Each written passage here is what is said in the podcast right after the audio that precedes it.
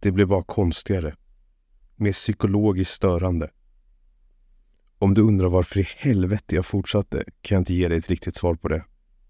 Jag kände bara att jag var tvungen. Det var en krypande känsla som jag inte riktigt kan förklara.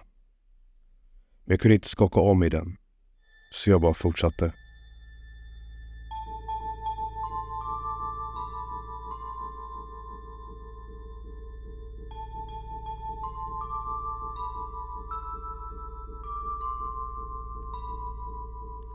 Ingen vet vad botten verkligen är förrän det har nått den.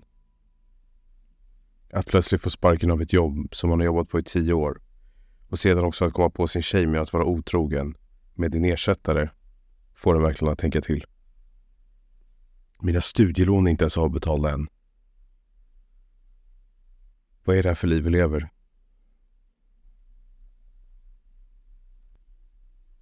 Efter en ganska berusad natt som bestod av att skicka ut ungefär fyra dussin CVn och några fruktansvärt dåliga personliga brev däckade jag.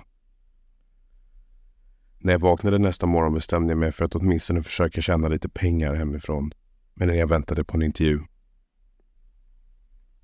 I det ögonblicket trodde jag att det bästa sättet att göra det var att fylla i de här internetenkäterna som gav en presentkort på 50 kronor till tunnelbanan och annan skit som en timmes svarande på hade gett. Jag menar, jag hade inga andra värdefulla färdigheter som kunde gett mig en omedelbar inkomst. Det var antingen det eller slösa bort dagen med att spela tv-spel. Jag skulle åtminstone inte behöva betala för mat. Jag gjorde dessa undersökningar i ungefär fem timmar innan jag nästan svimmade. Det var mycket mer plågsamt än vad jag hade förväntat mig från början. I slutet av dessa fem timmar hade jag ackumulerat cirka 450 kronor i kontanter och presentkort. 90 kronor i timmen. Inte för att jag tjänade så mycket mer än så vanligtvis. Jag var på väg att stänga min laptop för dagen och gå till en bar i att försöka dränka mina sorger när jag först såg det. Det borde inte ens ha märkts. Men av en eller annan anledning gjorde det det.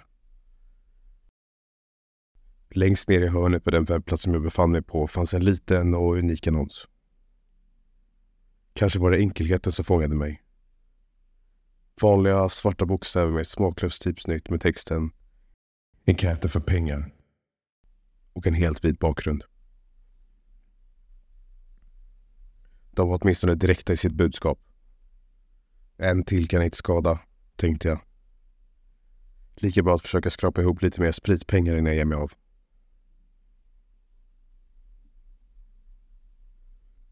Jag satte mig ner igen och klickade på bildlänken medan jag förberedde mig på att ta mig igenom några fler mödosamma frågor.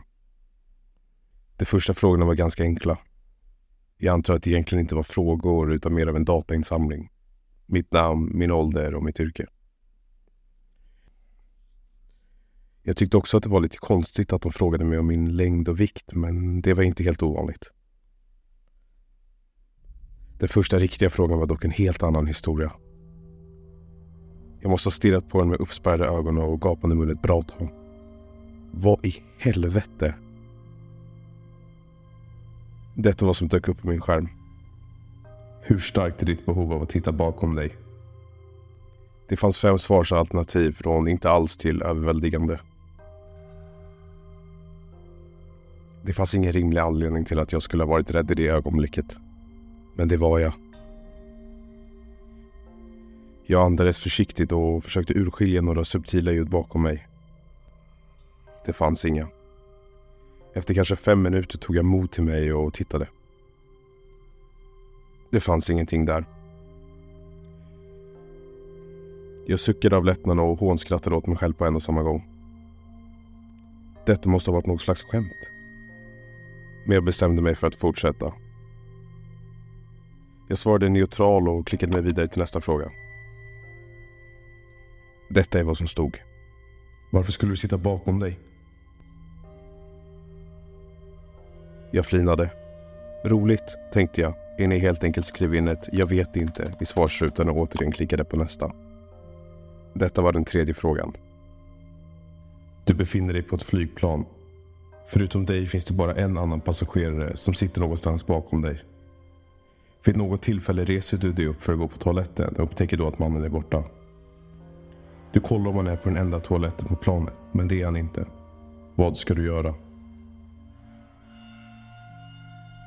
Återigen måste jag stirra dumt på den här frågan i nästan tio minuter. Var det här något slags obskyrt personlighetstest? Jag menar, det måste det ha varit, eller hur? Eller?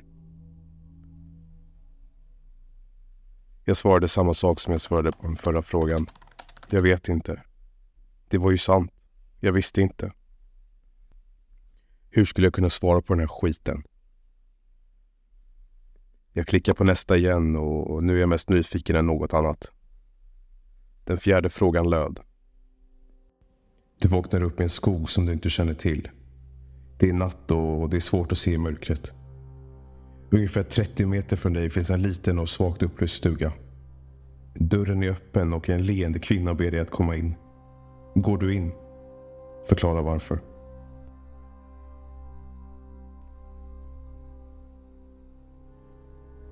Den frågan var nödvändigtvis inte konstigare än den förra, så min gissning var att det här var någon slags udda personlighetstest. Jag gör faktiskt ett försök att svara på den här frågan. Något i stil med att jag går in i stugan eftersom det helt enkelt inte finns någon annanstans att gå.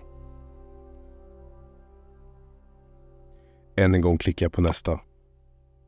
Det borde jag förmodligen inte ha gjort. Frågorna börjar bli helt sjuka. Det var inte för blodiga eller äckliga. Inte något sånt. Det blev bara konstigare. Mer psykologiskt störande. Om du undrar varför i helvete jag fortsatte kan jag inte ge dig ett riktigt svar på det. Jag kände bara att jag var tvungen. Det var en krypande känsla som jag inte riktigt kan förklara. Men jag kunde inte skaka av mig den. Så jag bara fortsatte. Några av de frågorna som stack ut var du vaknar en natt och upptäcker att det finns en hiss i ditt hus.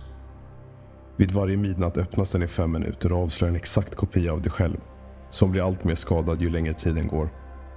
Ska du fortsätta att leva så här? Eller går du in i hissen en gång för alla och gör slut på det? Du befinner dig på ett hotellrum och vaknar av en snabb knackning på ditt fönster.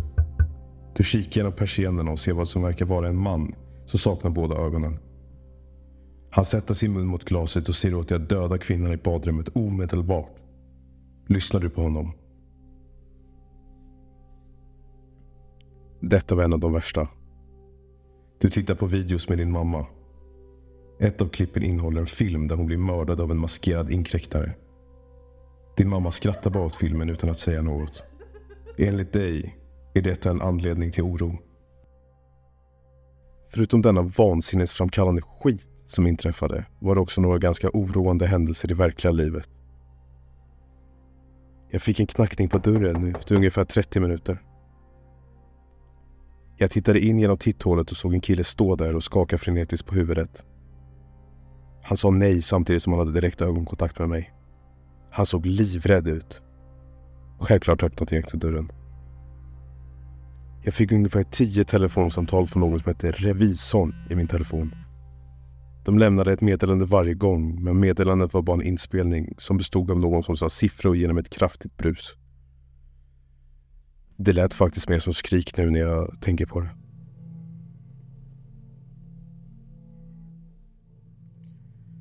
Efter ungefär en timme var jag på gränsen till ett mentalt sammanbrott. Jag var livrädd för att titta bakom mig, även om det inte fanns några tecken på att något skulle ha varit där. Till slut kom jag till det som verkade vara slutet på undersökningen. Men det var inte en fråga. Det var ett enkelt påstående. Släpp inte in dem. De är inte att lita på. Nästan som om det var på beställning hörde jag fler knackningar på min dörr ungefär fem sekunder efter jag läst detta. Så långsamt och tyst jag kunde gick jag fram och tittade genom titthålet en gång till. Det var en annan person än den jag hade sett tidigare. Det var en kvinna som såg ut att vara i 20-årsåldern. Hon hade på sig en tjock kavaj trots att det var nästan 25 grader ute. Hon bar också solglasögon så jag kunde aldrig riktigt se var hon egentligen tittade någonstans. Till slut så tog hon fram ett papper ur fickan och skickade in det under dörren. Jag tittade ner och läste det.